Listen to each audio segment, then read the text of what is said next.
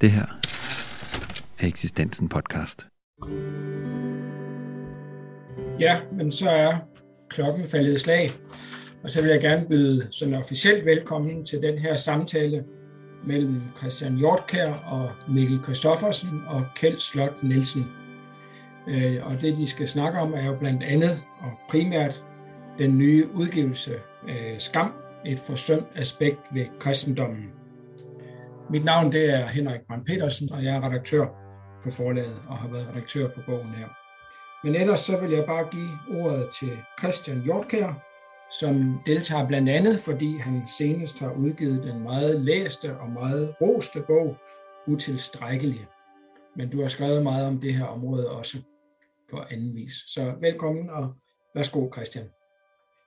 Tak for det, Henrik, og tak øh, for invitationen. Ja, jeg har så fået lov til at åbne ballet øh, med her fra højskolen. Jeg, jeg er på Silkeborg Højskole og lærer her, øh, så jeg kan sådan lidt stille mig lidt uden for universitetsverdenen og det akademiske, som den her bog jo også repræsenterer, og så give et lidt mere sådan et vindue ind i, hvad er det, det her det handler om, og hvorfor er det øh, noget, der fylder øh, tilsvarende, og hvorfor er det netop øh, godt, at der er kommet den her bog her. Så jeg har lige fået lov til lige at have en 10 minutter, hvor jeg prøver at tage mit take på det her, og så øh, begynder vi at tale sammen. Og, og det er måske mest oplagt, den der på start her, hvor jeg er på Silkeborg Højskole. Jeg har et fag, der hedder det utilstrækkelige selv. Det er et eksistensfag, øh, og, øh, og jeg sælger altid det her fag, hvor vi præsenterer dem, så skal de vælge. Og jeg præsenterer det altid som, kender du det, at du føler dig forkert, selvom du forsøger at gøre alting rigtigt. Og det kender de, og derfor vælger de det. Så når vi spørger, er det overhovedet relevant at tale om skam i dag? Ja, det er det i en vild grad, fordi de unge, de kender den her følelse øh, intimt øh, fra sig selv, men de, har, de mangler et, et sprog til at formulere det i. Og der er, det er ikke rart at tale om det. De er utrygge ved at tale om det, men, men de vælger det. Øh, så det er ikke noget, de løber bort fra. Og, og det er, jeg kan mærke, hver gang jeg ligesom rammer noget, hvor, øh, som har forbindelse til kilden, så, øh, så er de der. Ikke også? Altså, så der er også en åbning for hele det teologiske landskab til at, at tale ind i det her. Øh, det er ikke noget, de er ikke bange for at tale om skam og synd i øvrigt. Øh, det er i høj grad noget, de faktisk synes er ret befriende at få lov til at få sat ord på. Og især fordi de måske mangler ordene. Øh, så øh, så i flere ord øh, om det her, jo bedre. Sådan som jeg øh, øh, underviser i det her fag her, øh, der bruger jeg altid et bestemt eksempel, øh, nemlig min bedstemor. Og jeg tror efterhånden, hun er ved at være en af, af Danmarks mest kendte bedstemødre, fordi jeg tager rundt til gymnasier og sovnegårde og psykologiske terapigrupper og så videre og fortæller om min bedstemor. Det er næsten lidt synd for hende. Øh, Øh, men det er altså det billede, jeg gerne bare lige meget kort vil bruge igen. At min bedstemor, hun voksede op i en cirkel af forbud og regler. Øh, og, øh, og det er ikke særlig rart at vokse op i den cirkel. Der er noget trygt ved den, for man ved præcis, hvad det er, man skal i livet. Man skal nemlig lade være med at gå ud af den cirkel af forbud og regler. Man skal sætte sig ned, opføre sig ordentligt, holde sin kæft osv. Øh, det er ikke så mange unge i dag, der vokser op i den cirkel. Så den her cirkel af forbud og regler, den er i stedet for erstattet af et sæt af påbud og idealer. Og idealer, de er ikke rundt om os, de er over os. De er noget, der ligger oppe som noget, vi forsøger at stræbe op imod, eller at leve op til. Man lever ikke op til regler. Dem holder man sig indenfor, eller man bryder dem. Men idealer er noget, man forsøger at leve op til, og det er noget, man typisk netop ikke lever op til, fordi det kan man ikke. Det er det, der er øhm, definitionen ved et ideal, det er, at det er uopnåeligt. Det er ideelt. Det, det findes ikke på samme måde som regler findes, og man kan virkelig støde sig på en regel, men man, kan, man er aldrig nogen, der kommer til at støde sig på et, et ideal, og nærmest noget forbi det, og sådan, hov, det var da lige idealet, jeg kom forbi der. Så idealet er per definition noget, man forsøger at leve op til, uden helt at kunne det. Og pointen er her, at idealer har en anden psykologisk virkning på os end regler. Regler afføder skyld, mens idealer afføder skam. Og det er en virkelig brugbar øh, distinktion for, øh, for de unge, som ikke... Øh, det, det er brand new information, det her. at det faktisk er sådan, at idealerne, som vi, jeg, jeg vil våge at påstå, at vi i højere grad orienterer os efter, de har den indvirkning på os, at de afføder i højere grad en skamfølelse, altså denne følelse af, at man føler sig forkert, selvom man egentlig forsøger at gøre det rigtigt. Problemet er ikke, at de gør noget forkert, de har bare aldrig gjort nok, så det er skam og utilstrækkelighed, der fylder. Og alt det her, det har vi jo, det ved vi godt, øh, ligesom øh, psykologisk, hvad der følger med af selvbebrejdelse og selvskade og øhm, den side af det. Og så er der noget eksistentielt, som også fylder meget i faget. Øhm, pligt og ansvar og skyld og kærlighed og svigt og Gud. Det er også en stor del af det, og det er jo interessant at se, i hvor høj grad de er helt med, når vi taler om de her ting. Det er ikke noget, der skræmmer dem væk. Det er i høj grad en befrielse at få lov til at sætte ord på det. Og særligt idealerne. Jeg har lige undervist i det her øh, til formiddag, så jeg, så jeg, jeg har det meget præsent øh, hvor vi talte om idealer, og hvad er det for nogle idealer? Jeg bad dem om at prøve at beskrive, hvad for nogle af dem øh, de har. Øh, og der er jo især sådan lidt om at være lykkelig, der fylder kolossalt meget. Altså, de vil gerne være lykkelige, øhm, fordi det, det må være et minimumskrav, at man er det. Og talt om, at, at det er jo noget, man... Min erfaring er, at det er noget, man oplever i øjeblikke, hvor den sådan... Altså og selvom det øjeblik, man forventer, vel? Det er altid sådan lige der, hvor man, hvor man bare sidder i haven, og børnene leger med hinanden, og ens kone er smuk, og, sådan, og så der var den skulle lige, også? Og så forsvandt det igen. og så, øh, så, så altså, det, det er jo et ideal i den forstand, at det ikke at netop ikke er en tilstand, man kan opnå, og så, øh, så det er bare det at afmontere forestillingen om, at man kan som ung kan arbejde sig op til et vist niveau, så nåede vi niveauet, og så blev vi der. At det ikke kan lade sig gøre. Øh, et af de idealer, jeg plejer at fremhæve, det er fra min egen telefon, øh, fra Google. Øh, hver gang man åbner den, så står der få mest muligt ud af hver dag. Og det har jeg lige talt med eleverne om. Altså det mærkelige ideal, at vi i dag skal have mest muligt ud af hver dag. Det er jo ikke en regel, det er netop et ideal. Og problemet med idealet er, at det ikke kan lykkes. Altså man, man kan, og det er sjovt, fordi når jeg er ude og tale om det her i Sognegård, og taler med nogen, der er 60 plus, så siger de typisk, jamen altså, selvfølgelig kan man det. Altså hvis nu man har hvis dagen er gået, og man har gjort, hvad man kunne, og klokken slår 12, så har man vel fået mest muligt ud af hver dag. Men det er der ingen unge, der siger.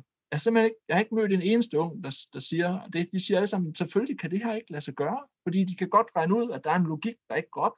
Man kan altid få lidt mere ud af dagen. Man kan altid bruge lidt mere tid på den stil.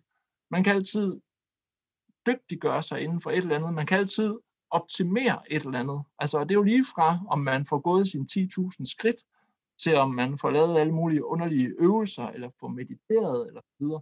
Og tit er der en enorm selvbebrejdelse hos de unge på det her punkt, fordi de ved godt, at hvis de sidder og bruger en time på deres telefon, et eller andet YouTube eller sådan noget, så følger der selvbebrejdelse med helt automatisk. Det er ikke noget, vi behøver at sige til dem. kan I ikke også lige tage jer lidt sammen, og de der telefoner, læg dem nu væk, og så videre. Der er rigtig meget selvbebrejdelse hos rigtig mange af de unge. De kan mærke den øh, lede og uselhed, der er over, at nu, nu, øh, nu brugte jeg igen en time på det her. Hvad, altså, hvad er der galt med mig? Så de forsøger egentlig at gøre det godt, men alligevel føler de sig grundlæggende forkert. Øh, hvis bedre er muligt, så går det ikke godt nok, er også et af de idealer, de er. Øhm, og så er en ny sætning, jeg har fået med ind, som også er sådan et ideal, de skal leve op til. Det er et, de får fra deres forældre. Forældre siger tit til deres børn i dag, du må gøre lige, hvad du vil, bare du er glad. Og det er jo enormt smukt sagt. Men det er også dybt problematisk, fordi hvis de unge gerne vil vide, hvad de skal med deres liv, og de skal vælge på en eller anden måde at finde ud af, hvad de vil, så, så, så er der et råd, der gælder. Og det er, at du må gøre lige, hvad du vil, bare du er glad. Det vigtigste for os er, at du er glad. Og det har jeg altså fundet ud af på det seneste, at det er en sætning, der er ret problematisk at vokse op med, fordi hvad nu hvis man ikke er glad? Hvad nu hvis man så valgte om sider, okay, så vælger jeg antropologi, jeg starter på det, jeg går over et halvt år, og man er egentlig ikke særlig glad, man er faktisk lidt småt deprimeret eller stresset, eller et eller andet, så kan man jo ikke komme hjem til sine forældre og sige, at jeg er faktisk ikke glad. Altså fordi, prøv at høre, vi gav dig én opgave i livet. Du måtte gøre lige hvad du vil, bare du var glad. Og det kunne du ikke finde ud af. Og det er selvfølgelig ikke nogen forældre, der siger, og derfor, men, men alligevel er der ikke nogen unge, der kommer tilbage og siger, at jeg er faktisk ikke rigtig glad. Så de taler med andre om det her. De taler ikke med deres forældre om det. Og i værste fald taler de ikke med nogen indtil det punkt, hvor de så går til psykologen for det. Hvilket er ret vanvittigt, at der er den her professionalisering af vores eksistentielle problemer i dag. Og det er enormt rart for dem bare at få lov til at sætte ord på nogle af de her ting. Fordi de føler sig øh, forkælet og øh, privilegeret, og hvad har de egentlig at brokse over? Så hvorfor, er der, hvorfor skal jeg komme og brokke mig over sådan en sætning som den?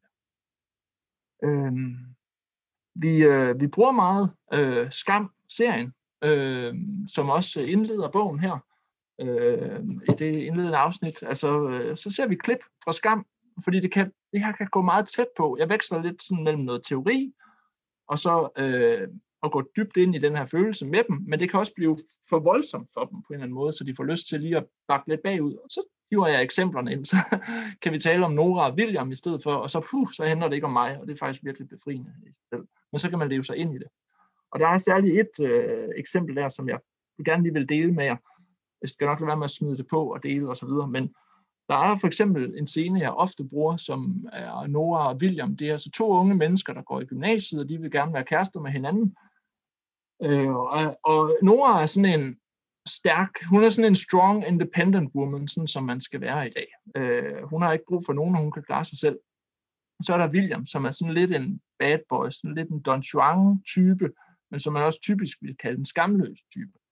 Han gør, hvad det han har lyst til, og han er, han er ikke så moralsk. Øh, og det er hun til gengæld. Hun er meget moralsk, etisk øh, anlagt. Så det er ligesom dømt til at gå galt. Og så er der en scene, hvor de mødes i en, i en bil, og det er tydeligt, at Nora har besluttet sig for, at nu, nu slår jeg op med ham, fordi jeg ved, at han er, øh, han er amoralsk, han er skamløs, han kommer til at såre mig. Og, øh, og det interessante er, at det de begge to gerne vil, det er det, som alle mennesker vil, og det er også det, ungdommen stadigvæk gerne vil. De vil egentlig bare gerne have tillidsfulde, øh, dybe relationer til hinanden. Det, der er intet nyt under solen her. Øh, vi, vi ser det bare ikke på samme måde, fordi vi tænker, at de unge de farer vildt i deres liv, og deres kønsroller og alt muligt er forvirret. Men basically er det det samme, de vil have. Øh, og hun er nervøs, Nora, for at han ikke kan, hun ikke kan opbygge det her tillidsfulde bånd til ham. Og så siger hun, øh, du vil jo ikke involvere mig i din familie. Og så, videre. så siger han, hvad med din familie? Og så fortæller hun om sin familie. Hun fortæller, jamen jeg er vokset op, det skal jeg nok fortælle dig. Øh, jeg er vokset op som enebarn i en familie med en seksolog og en psykolog, og det eneste, de tænkte på, det var deres sig selv og deres eget sexliv. Og øh, så da jeg var 17 år, der flyttede jeg til Madrid, øh, og jeg har det fint uden dem, og de har det fint uden mig. Vi taler sammen en, måned, en gang om måneden og slutbrudt. Nå, var der andet, du vil vide? Så det interessante er, at hun lancerer jo det her som nærmest et angreb på ham. Så nu, du, jeg skal nok. Og så svarer han fuldstændig formidabelt jeg tror, jeg tror ikke på, at de ikke elsker dig. Det er faktisk helt umuligt ikke at elske dig.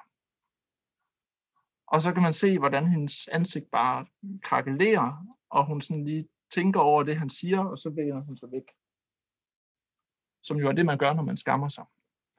Men skammen på den smukkeste måde, for skam er jo som regel et forsvar, mod det ubehag, der kom, men her er det også skammen som forsvaret mod for meget kærlighed på en gang. Hun kan næsten ikke, hun kan faktisk ikke bære, at der er et menneske, der, der ikke går til modangreb, men som omfavner den vilde blottelse, det må være lige at være kommet til ved et uheld nærmest, og afsløre det dybeste sår, man har.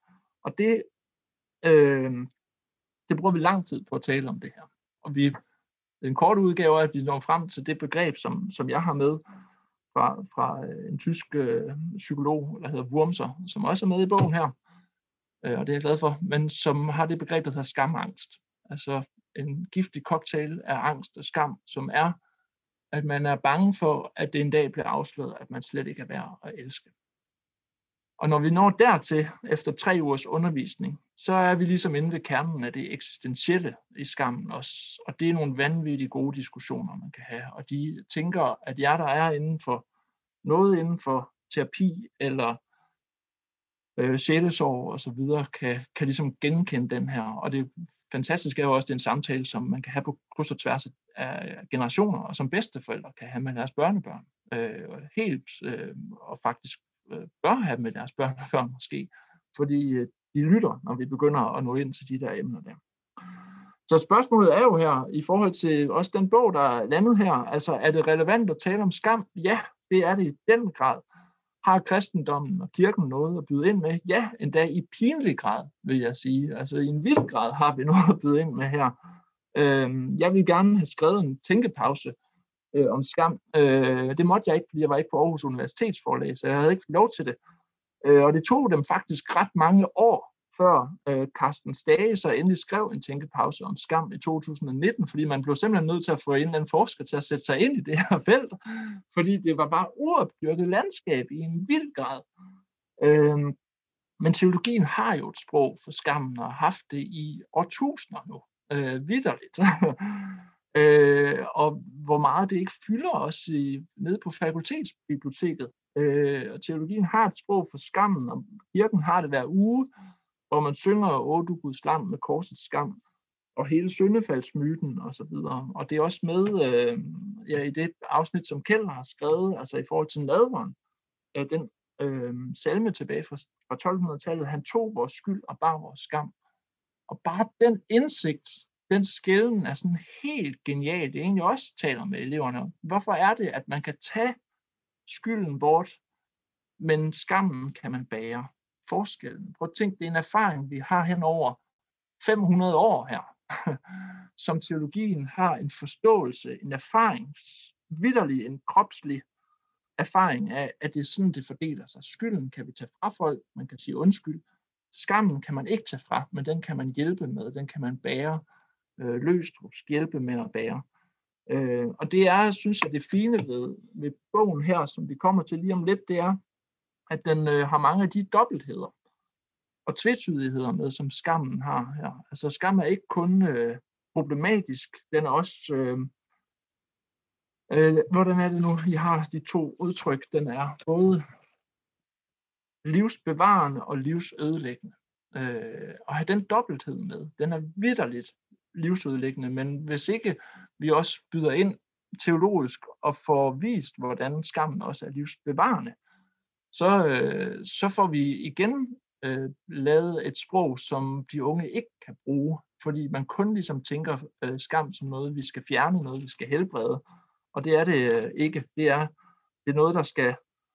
Øh, jeg har også været den her øh, forskel på, at det er noget, der skal øh, Øh, forvindes, i stedet for, øh, at det skal forsvinde. Jeg er meget glad for P.G. Lindhardt, som har den her vidunderlige prædiken, hvor han siger, at man synger altid i kirken, så da øh, julesorgen er forsvundet. Og så skoser han sine egne øh, kirkefolk for ikke at have stadig det rigtigt, at den er jo ikke er forsvundet, men den er forvundet.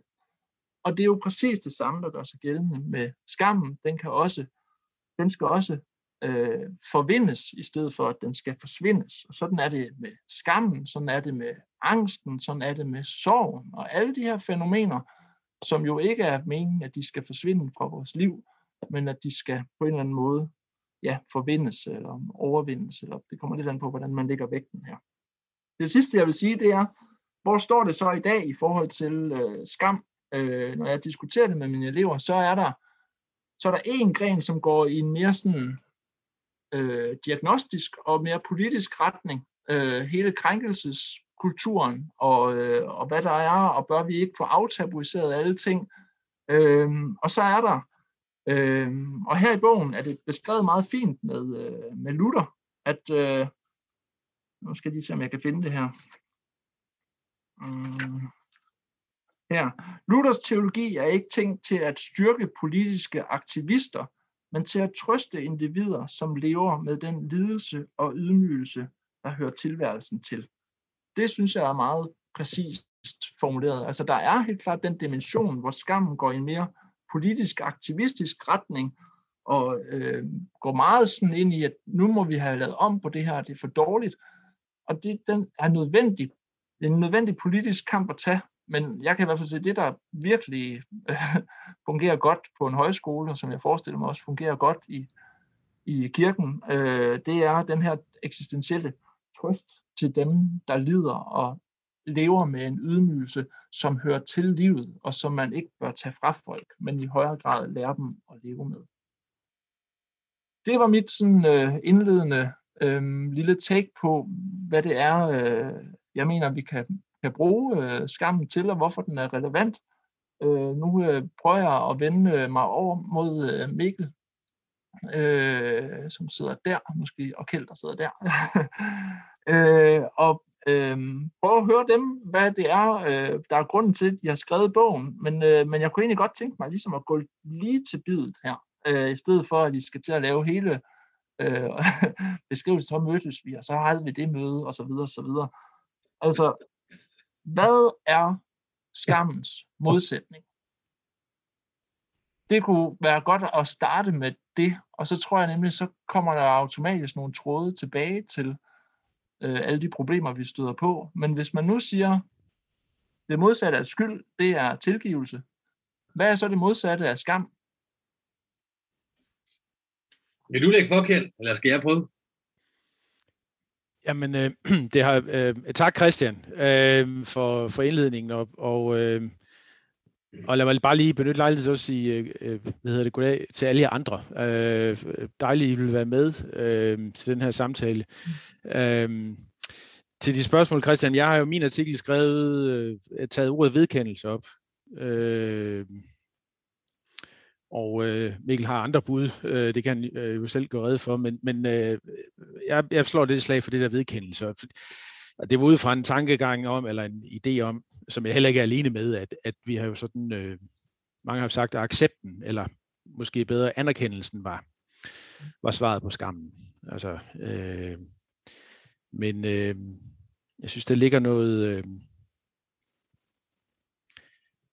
der ligger noget enormt ensomt i at blive, bare blive, blive anerkendt. Altså, øh, jeg anerkender dig, du anerkender mig, men vi kommer ikke rigtig ind på livet af hinanden.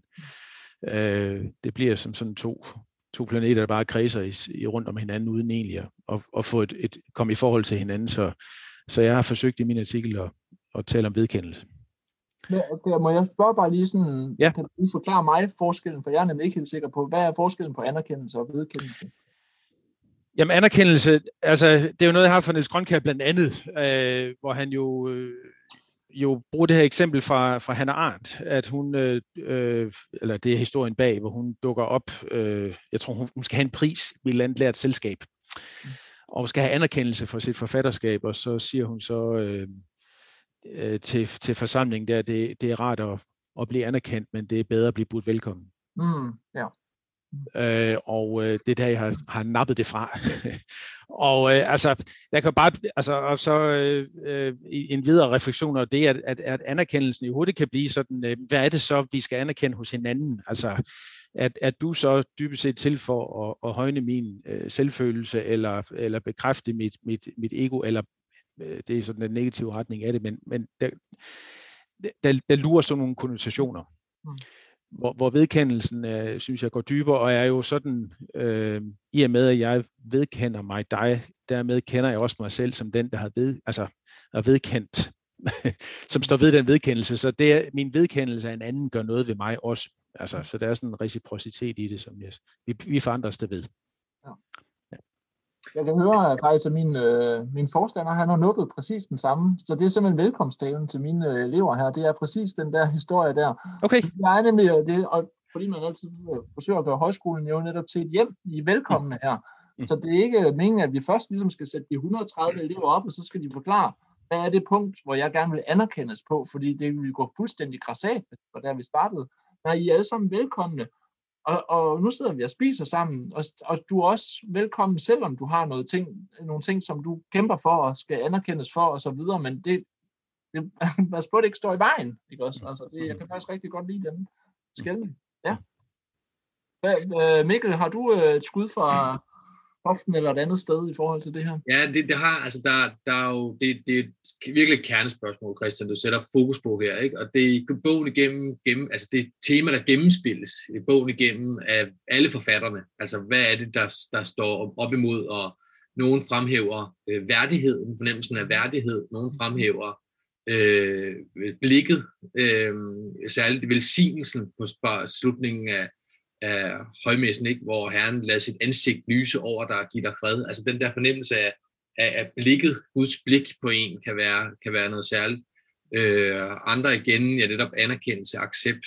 Øh, også bare det der med at, at kunne blive forstået, det er sjælesorgskapitlet, altså hvor, hvor der er en, der det er faktisk at virkelig at blive forstået, øh, og det, det er der sådan nogle greb til samtale, samtaleteknisk, øh, ligesom refleksion, der drejer sig om, hvornår er det faktisk, man forstår det andet menneske, hvornår lytter man til det andet menneske, og viser, at man forstår det andet menneske på en sådan måde, at vedkommende føler sig set, altså ikke bare øh, sådan ved, at man ved, hvad den anden ved, Øh, det, det er der også øh, sådan noget nærmest rådgivning til, hvordan man kan gøre i det kapitel. Mm. Øhm, Måns Lindhardt er jo en af de, øh, som en tidligere øh, rektor for pastoralsmødet i København, er en af dem, der har beskæftiget sig med skam i altså rigtig meget i tidens løb, og en af de der sådan grand old men, som vi, som vi ser op til, øh, vi nye.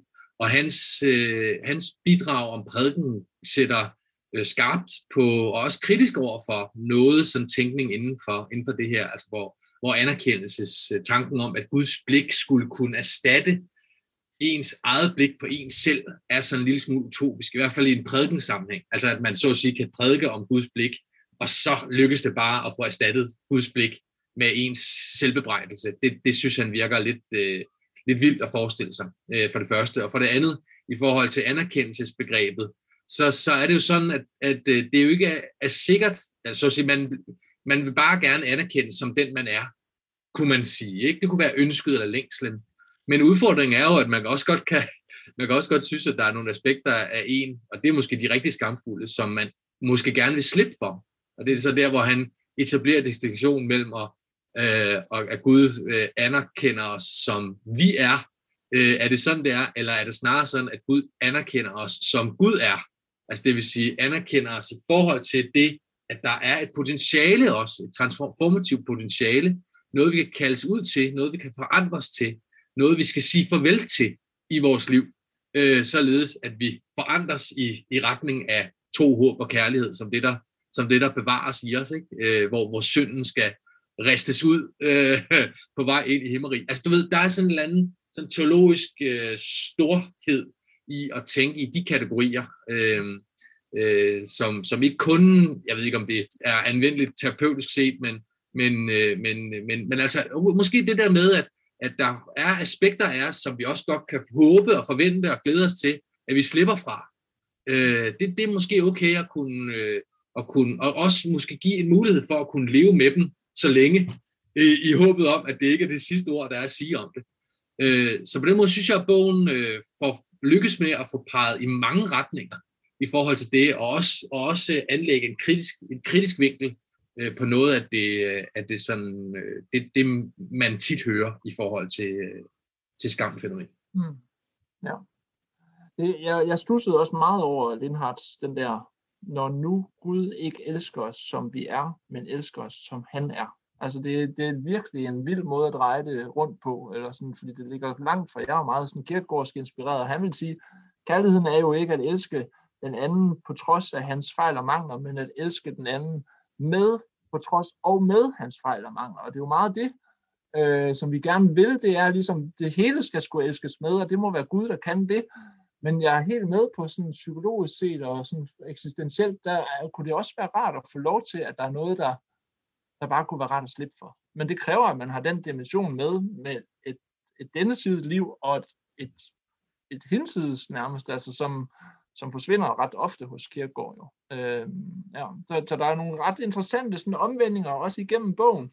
Også bare lige, hvis ikke I har den foran jer. Så der er ligesom en indledning, og så er der et, øh, langt afsnit, øh, af Mikkel har skrevet et utroligt grundigt øh, afsnit, øh, sådan filosofisk, psykologisk, sociologisk og teologisk øh, skam. Og så kommer de her forskellige bidrag, øh, som ligesom tager hver sin side af, af kristendommens og kirkens praksis. Øh, og et af dem, jeg sådan hæftede mig ved, det er, det er også det med øh, øh, ja, nadveren, øh, og sådan det med, at det rituelle også har. Fordi det var ligesom det næste spørgsmål, det er, hvad er det så, øh, kristendommen også ligesom specifikt kan hjælpe med? Fordi psykologien har allerede afdækket meget, sociologien har også afdækket meget, og en af de der ting, som er, sådan, som er godt i forhold til skam, det er at få sat ord på det. Skammens stemme er tavshed. Også det har jeg lært at finde skorterud. Skammens stemme af tavshed. Når vi skammer os, så klapper vi, os, klapper vi og det er enormt befriende at få lov til at sætte ord på ting. Men der er også et eller andet med de der ritualer, som kan noget, hvor vi jo netop ikke er båret af ord nødvendigvis. Der er også ord, jeg ved godt teologisk set, at der er som regel et ord og tegn osv. Men der er også ligesom nogle, nogle ritualer, der er enormt rart i at få lov til bare at deltage. Øhm, er der nogen af jer, der kan sige noget om, hvad, hvad kan øhm, kirkens ritualer i forhold til skam? Kan det noget, som, ja, som filosofien og psykologien ikke kan?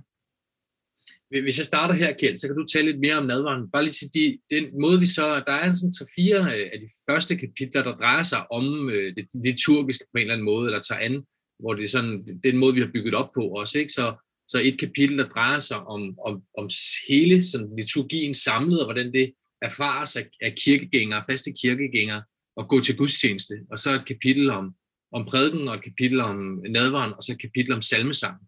Og, og jeg synes, det, der, hvad hedder det nu, hvis man siger, nu så har jeg sagt lidt om prædikapitlet, og, og, og, og der, det der med faste kirkegængere, den, øh, det, det, det drejer sig om, det er Jette Bendiksen Rønkildes øh, øh, tekst, handler om, øh, og at, at, at der faktisk, altså, hvis man interviewer faste kirkegængere om gudstjeneste, så det, det drejer sig om, det er sådan, det, det, så at, giver det udtryk for en fornemmelse af at blive forvandlet.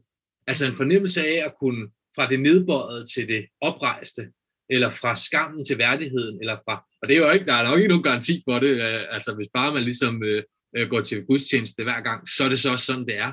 Men, men hvis man siger, på den anden side øh, går empirisk til værks, så kan vi altså konstatere, at der er nogen, der har det sådan øh, med det, og i hvert fald dem, hun så fik interviewet. Og så, så det, det, det andet, øh, som jeg kunne nævne, det er så Kirsten Nielsens, altså selve det, altså der, at der i salmerne, du nævner både de gamle testamentlige salmer og fortolker hvad det er for en skamdynamik, der er der, og så ældre øh, salmebogssalmer, og så moderne salmer. Og så se, hvordan, hvordan er det skamtematikkerne øh, forandrer sig. Og der er bare grundlæggende, kan man sige, det at synge, altså det at tage nogle ord i munden, som man ikke er vant til, eller som er større end det, man kunne have sagt sig selv, eller som, og som man også kan brydes med, det, det, er, det er jo også en, nu nævner du det med at øh, se afsnit af Skam-serien, kan ligesom give sådan en, nå jamen, så er det også det, så er det lige noget andet, så er det ikke mig. Og der har skam, øh, der har det at synge sammen sådan en mærkelig, altså en mærkelig mellemting, mellem øh, at man faktisk er den, der synger, øh, men samtidig er, man, øh, er, er det også nogle ord, som ikke er ens egne. Øh, så der bliver man også ligesom lagt ind i noget, der, der, der peger i nogle bestemte retninger. Og der, der er der altså et øget fokus på, på, de her, øh, på det her med erfaringen af skam, som man så lægger frem for Gud, og hvor det er tilgivelsen og anerkendelsen og, og Guds blik, der, der, øh, der så kan synges ind på den måde. Øhm, ja, så meget til det. Ja. Havde du noget mere sådan specifikt til nadverdelen? For det var også mest den, jeg egentlig spurgte til, eller sådan noget, som jeg selv sådan, øh, jeg er ikke øh, hyppig kirkegænger, men det er, sådan, det er den del, jeg holder allermest af. Øh, jeg kan huske, da jeg var lille, var det meget prædiken, meget ordet, og nu bliver det mere og mere sådan det med at kunne træde ind i det der, som jeg synes giver en ro, som jeg ikke finder andre steder. Fordi øh, der, der er jo masser af folk, der, inklusive mig selv, der gerne vil stille sig op og sige en, en hel masse kloge ting. Hvis prædiken er at stille sig op og sige en masse kloge ting. Vi snakker det er, en anden, det er et andet foredrag, Christian. Øhm, Øh, hvad hedder det? Øhm, ja, jeg vil sige, jeg har oplevet, at det er det, det.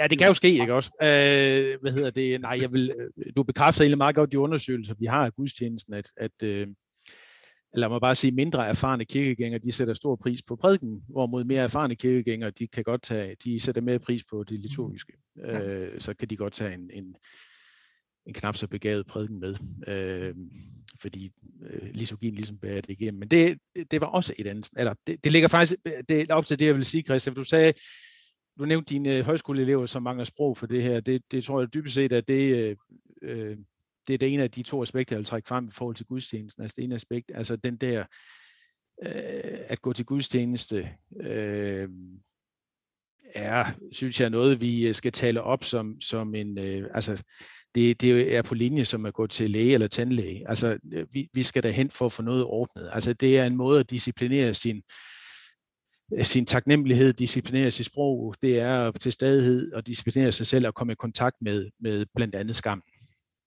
Øh, det er på den måde bliver gudstjenesten både et, et, et livsoplysningssted, men altså også et, livsopli- altså et oplevelsessted, fordi evangeliet gerne skulle komme til at gøre noget ved det. Men i virkeligheden, altså, øh, har, har vi, øh, tror jeg, vi, vi slæber sådan lidt en, en, øh, en forestilling med os om, at, at øh, kirke det er noget, man går i, når man tror. Mm. Øh, hvor jeg heller vil vente om at sige, at det er kirke, det gør vi, fordi vi ikke tror, det går vi hen for at komme til at gøre.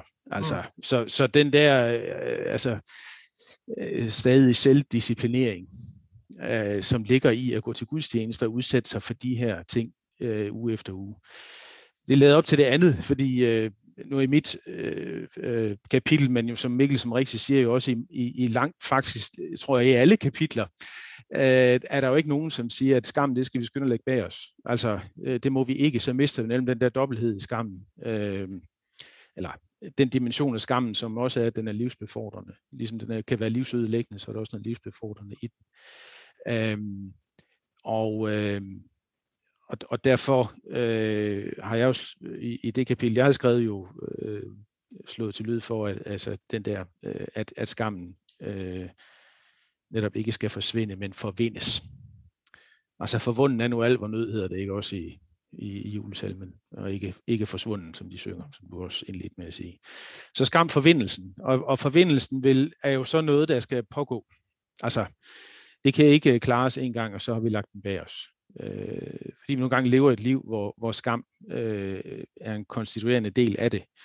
Øh, og vi lever nogle strukturer, øh, sociale og kulturelt, som, som er øh, også afføder skam, så øh, skal vi derhen for at komme i kontakt med det og for at, at få det øh, forvundet. Øh, jeg har så den yderligere dimension, at, at, at jeg jo hævder, at Gud i en bestemt forstand, i en bestemt forstand også er, er kilde til skam. Øh, og, øh, og det er den, der bliver i særlig grad bliver forvundet i nadvånd. Men øh, jeg ved ikke, vi skal gå nærmere ind i det nu. Men øh, bare lige svar på de spørgsmål, Christian. Altså, øh, ja, kirken kan i det højeste, altså gudstjenesten og det rituelle, det er rigtigt, det står meget tydeligt øh, frem i bogen. Øh, og, øh, men jeg tror, det er noget at gøre med, altså, øh, med mange ting, men altså også det, som Mikkel var inde på, at, at vi er inde i i kategori, der hedder vedkendelse, øh, velsignelse, et blik, og, og de ligger jo øh, nærmere til det rituelle højreben end måske til, til, til prædiken.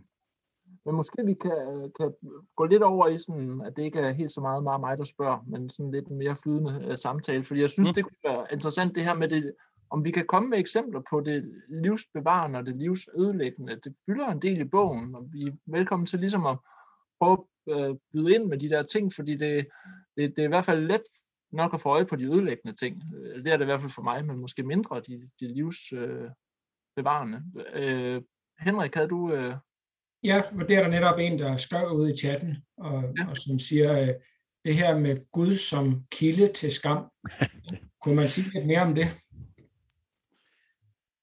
Ja, altså det er, øh, når jeg kom på det, så fordi jeg læste en, en, øh, en prædiken af Paul Tillich over salme 139, som jeg gennemgår ret, øh, øh hvad hedder det, minutøst i, i, øh, i, øh, i min bog. Og øh, det blev jeg sådan ret optaget af, fordi jeg har i min tid som præst jo virkelig brugt salme 139 rigtig mange til gange til begravelser. Altså, øh, lyset er ikke, altså mørket er, er ikke mørke for dig. Alle de her meget sådan... Øh, på mange måder sådan, synes jeg meget sjælesørgiske og, og, og, og evangeliske pointer der i salme 139, hvor Telix så vender det på hovedet og siger, at salme 139 handler ikke om nærhed mellem Gud og menneske, det handler om, at mennesker vil flygte for Gud.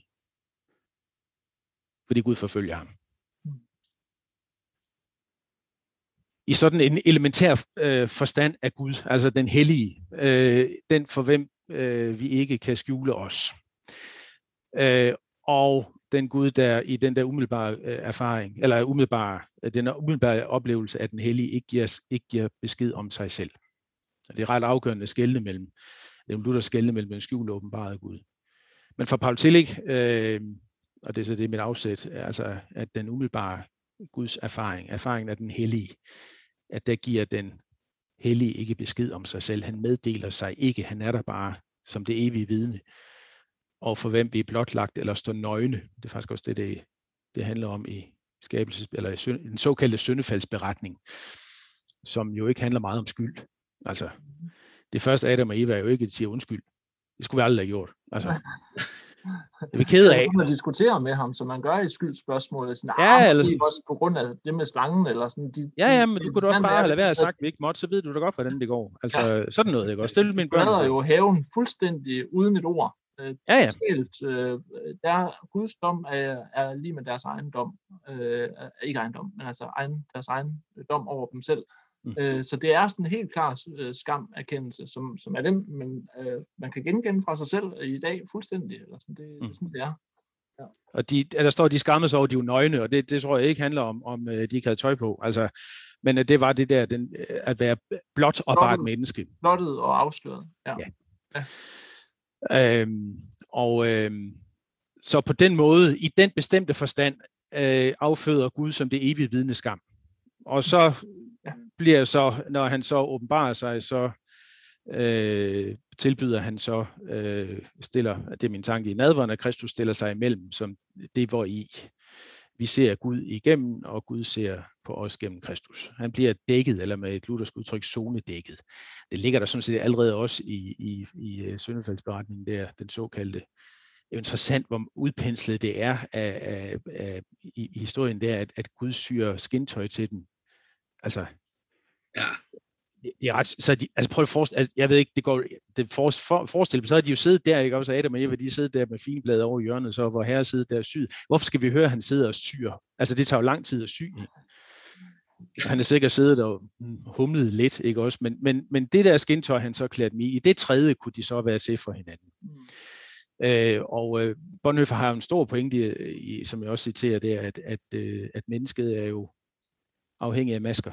Altså at, at være iklædt noget, og, og at være, være maske er jo ikke at, at være fordækt, men at vi altid indgår i, i roller og, og relationer, øh, og på den måde øh, øh, er noget bestemt for hinanden. Øh, og uden det kunne, kunne, det ikke, øh, kunne det ikke være. Så det der, du bare være dig selv, altså øh, øh, er, er, er svært. I den forlængelse, ikke? Fordi, hvad er det? Ja, men det svarer på det, Christian. Altså, eller på, på, det var. Henrik, der spurgte. Altså, så ja, Gud afføder skam i den bestemte forstand, at han den, den allestedsnærværende øh, og altseende. Det, og det er glad for, at vi, at, at vi fik øjet øh, uden på, på bogen.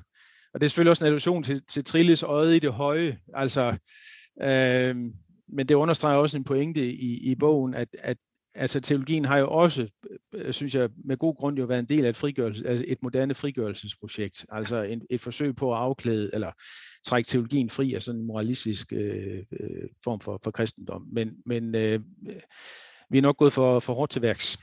Øh, så ja, et øje i det høje, hvis vi ikke taler geografi. Øh, men det er hele tiden at, at opleve sig som værende til for en magt, som ikke bare sådan i al almindelighed giver besked om sig selv, men gør det et ganske bestemt sted. Altså hvordan han er sindet, nemlig i gudstjenesten.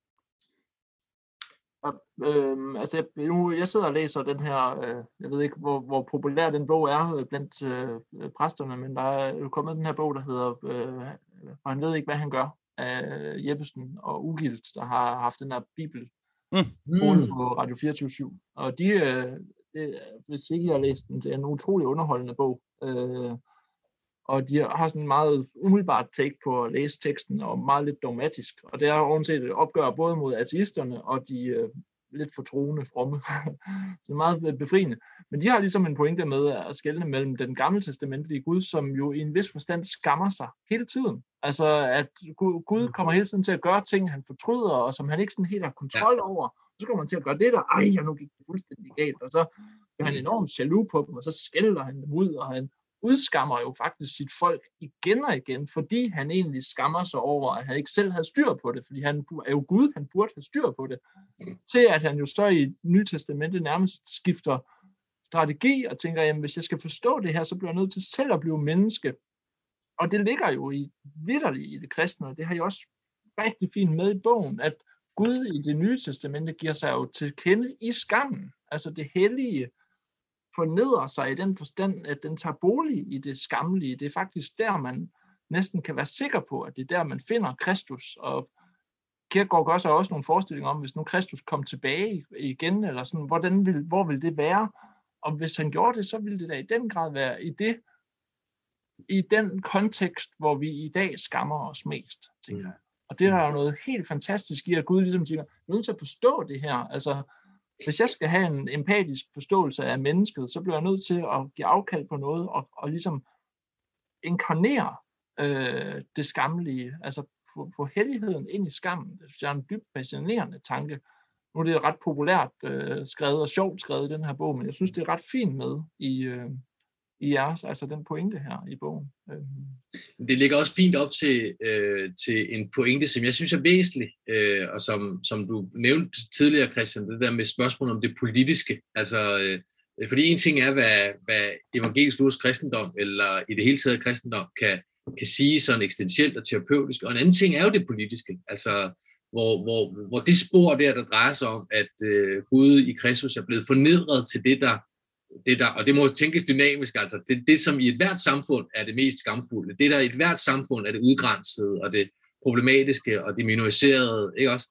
Altså, at der, der ligger et, øh, et befrielsesteologisk spor, som drejer sig om at sige, okay, en ting er, at vi sidder her en for en og har en samtale med vores sjælesørger eller med vores højskolelærer om, øh, hvordan, men, men, men, men får vi samlet os, får vi sagt fra, får vi lavet politisk øh, Øh, øh, hvad hedder det, noget modstand, hvor vi råbt op omkring den uretfærdige øh, skam, der er øh, øh, om, om, omkring de, øh, de uretfærdigheder, der findes på strukturelle niveauer.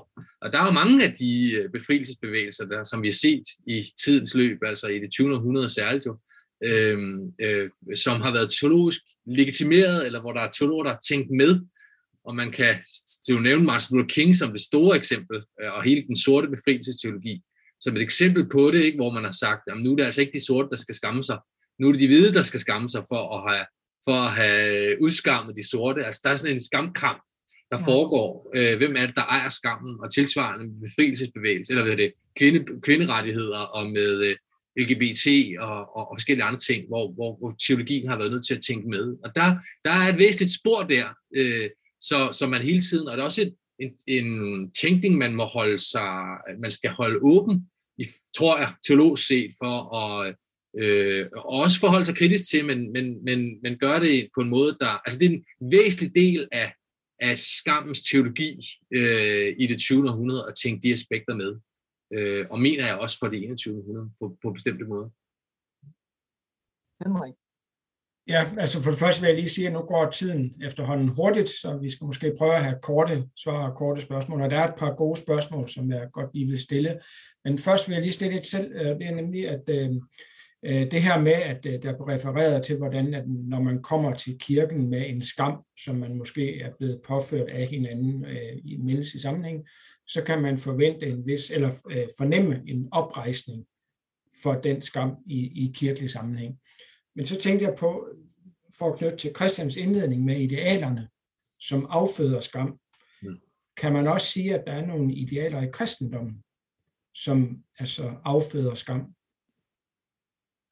Ja, hvis man misforstod kristendommen. Altså, det vil, det, det vil revolver svaret, Henrik. Men altså, det mener jeg faktisk. Ja. Altså, jeg vil bare lige sige, jeg tror, at det er ikke alle former for skam, der kan, der kan heles i, i kirken. Det, det vil jeg være nervøs for. Altså, mm øh, og, og tænke sådan. I det hele taget jeg bliver nervøs for at tænke i absolutter. Altså at, at, at øh, der, der er nogle skamformer, som øh, altså det åbenlyst den der grundreligiøse skam, men, men, øh, men der er andre skamformer, som, som kan være svære at gøre noget ved. Øh, og, og vi havde jo diskussionen i, i, i gruppen der for ned, altså øh, øh, øh, altså den der strukturelle skam, eller, eller skam når ikke at leve op til idealerne på arbejdsmarkedet, eller sådan noget, det, det, det kan vi jo godt uh, tordne imod på prædikestolen, men, men det, er jo, det ændrer jo ikke ved, at, vi jo, at folk skal jo hjem igen og på arbejde mandag morgen.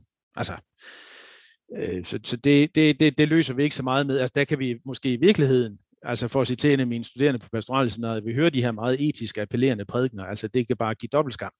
Altså, øh, altså øh, på den måde slipper vi ikke ud i verden. Altså, øh, øh, altså og det, det får nogle, altså, ikke også altså øh, klimaskam eller flyskam, af de der ting, vi har. Altså vi ved godt, at vi, vi øh, uanset hvordan vi gebærer os, så spiser grød hver dag, eller øh, alt muligt andet, eller, eller græsser på græsplænen, undskyld, altså, altså kun spiser grønt og sådan noget, ikke? Så, så vil vi efterlade et CO2-aftryk. Det ændrer sig. Altså vi er i verden, og, og, og det går ikke op.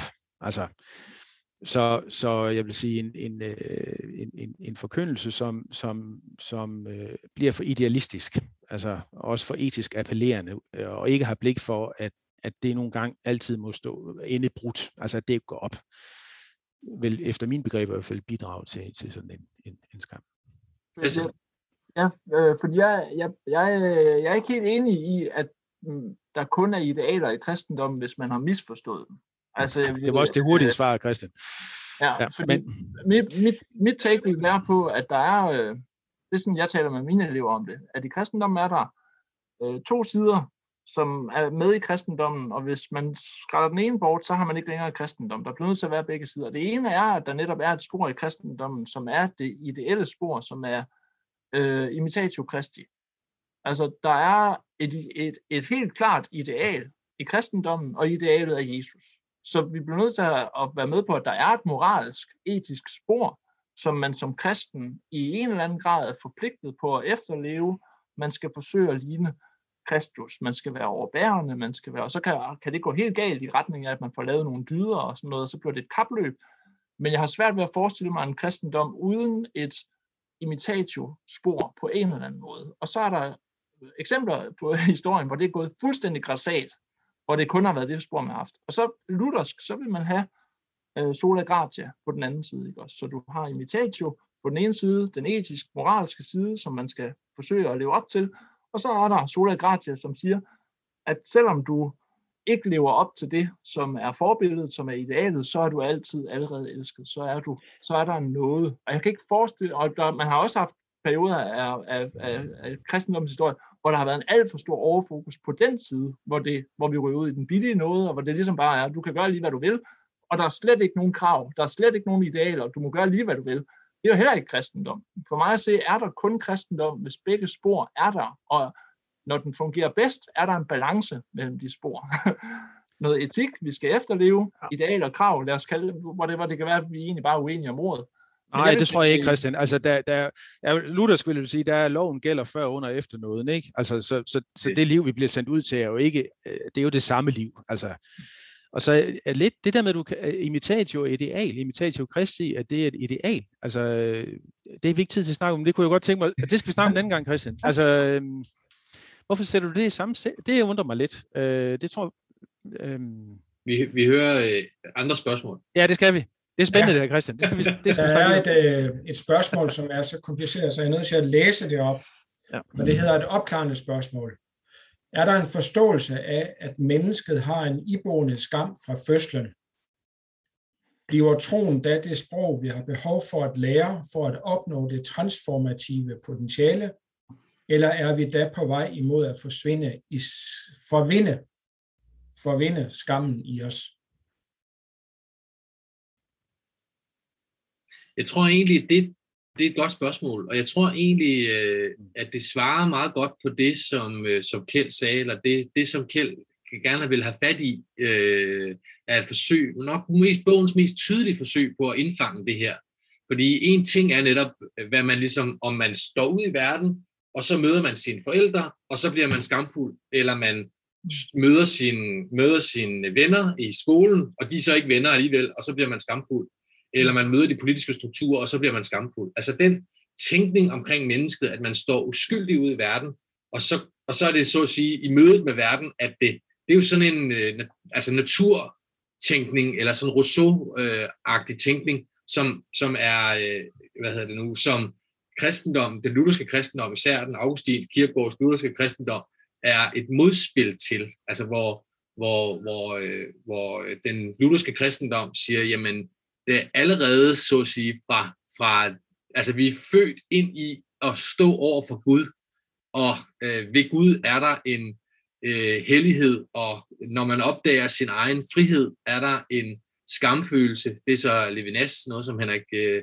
Søren Petersen tager op i sit kapitel om mission. Altså den der, det med at have en sans for, at der i selve det at være menneske, uværligt, altså før man har erfaret noget, før man har mødt nogle mennesker, før man har før at man er blevet påvirket med noget, på sådan et helt grundlæggende niveau af det at være menneske, er der en, en, en, øh, en skamerfaring, som vi ikke kommer udenom, øh, men som opstår ved det at være menneske i mødet med Gud.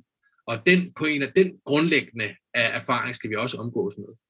Øhm, så, så det tror jeg egentlig er et ja-svar til det spørgsmål. Kan vi tage et mere og et hurtigt svar, hvis det kan lade sig gøre? Øh, der er en, der skriver her, han tog vores skyld og bare vores straf. Jeg tror ikke, vi skal tage skylden fra folk. Skyldigheden er en stor del af os, og at bære skylden hører til vores egen selvrespekt. Er det ikke snarere straffen for skylden, eller selve skylden, Kristus tager for os, fra os? Jeg, jeg er lidt, er det ikke, øhm, altså er ordet skam ikke blevet byttet ud med straf her? Øh, lyder citatet ikke, han tog Jo. vores skyld og bare vores skam. Jo. Øhm, så jeg er lidt forvirret øh, i forhold Men jeg til... tror, men ærnet her er reelt nok. Altså ærnet her drejer sig om, hvad, hvad det er, tilgivelsen gør. Øh, at tilgivelse, som, som er det, der retter sig mod skylden, er det noget, der fjerner skylden, eller er det noget, der, øh, der fjerner straffen for skylden? Mm. Og det er simpelthen bare et mega væsentligt teologisk emne. Øh, et mega væsentligt teologisk emne.